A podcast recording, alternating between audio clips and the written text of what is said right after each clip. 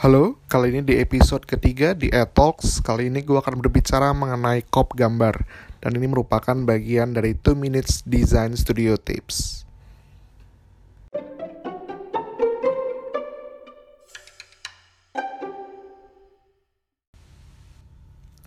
Kop gambar merupakan suatu hal yang sering dijumpai dan sering dibuat pada gambar-gambar perancangan dan desain.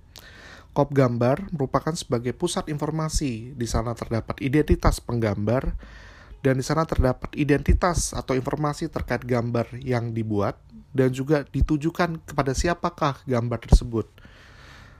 Nah, sering kali di tahap awal atau di semester-semester awal, mahasiswa di jurusan perancangan atau desain ataupun arsitektur itu melakukan atau membuat kop gambar ini secara manual apabila penggambaran kop ini dibuat secara asal-asalan dan cuma sekedar asal apa adanya, tidak rapi, berarti penghargaan terkait dengan gambar tersebut pun juga tidak ada atau nihil.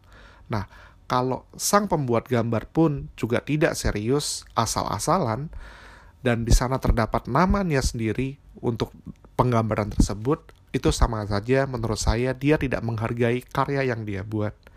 Kalau dia sendiri saja tidak menghargai karya yang dia buat, bagaimana orang lain dapat menghargai apa yang dia lakukan? Nah, dalihnya kalau berdalih hanya toh nanti kita akan membuatnya juga secara digital, berarti pada dasarnya di sini kita ingin membuat sesuatu yang instan. Nah, sesuatu yang instan tentunya juga tidak baik. Suatu hal yang harusnya dalam konteks perancangan harusnya memiliki sebuah proses kita pun tentunya waktu pada saat kita masih kecil, masih bayi, kita tidak langsung lari, tapi kita memulainya dengan merangkak, dengan berdiri, berjalan, baru berlari. Jadi, proses penggambaran kop, pembuatan kop bukan cuma sekedar hanya menuliskan nama, hanya menuliskan sebuah informasi, tapi tentunya jauh lebih besar daripada itu.